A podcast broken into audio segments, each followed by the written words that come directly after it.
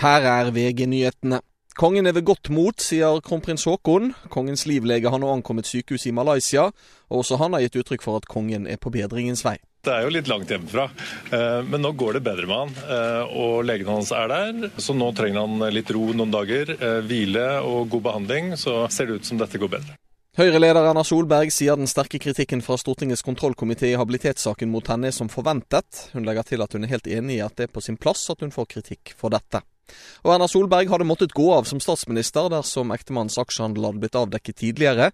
Det sier VG-kommentator Hanne Skartveit. Hvis hun hadde vært statsminister nå, så kunne hun ikke fortsatt som statsminister. Det tror jeg de aller fleste er enige om. Men siden hun nå er menig stortingsrepresentant og Høyre-leder, så er det en sterkeste de kan komme med, er nettopp sterk kritikk. Politiet i Oslo mistenker at de som skjøt mot inngangsdøren til en leilighet på Løren natt til tirsdag, skjøt på feil dør. Ingen er pågrepet i saken. En dykker er fløyet med helikopter til sykehus etter en ulykke ved Nesodden. Tilstanden er ikke kjent. I studio nå, Thomas Alsaker. Nyhetene får du alltid på VG.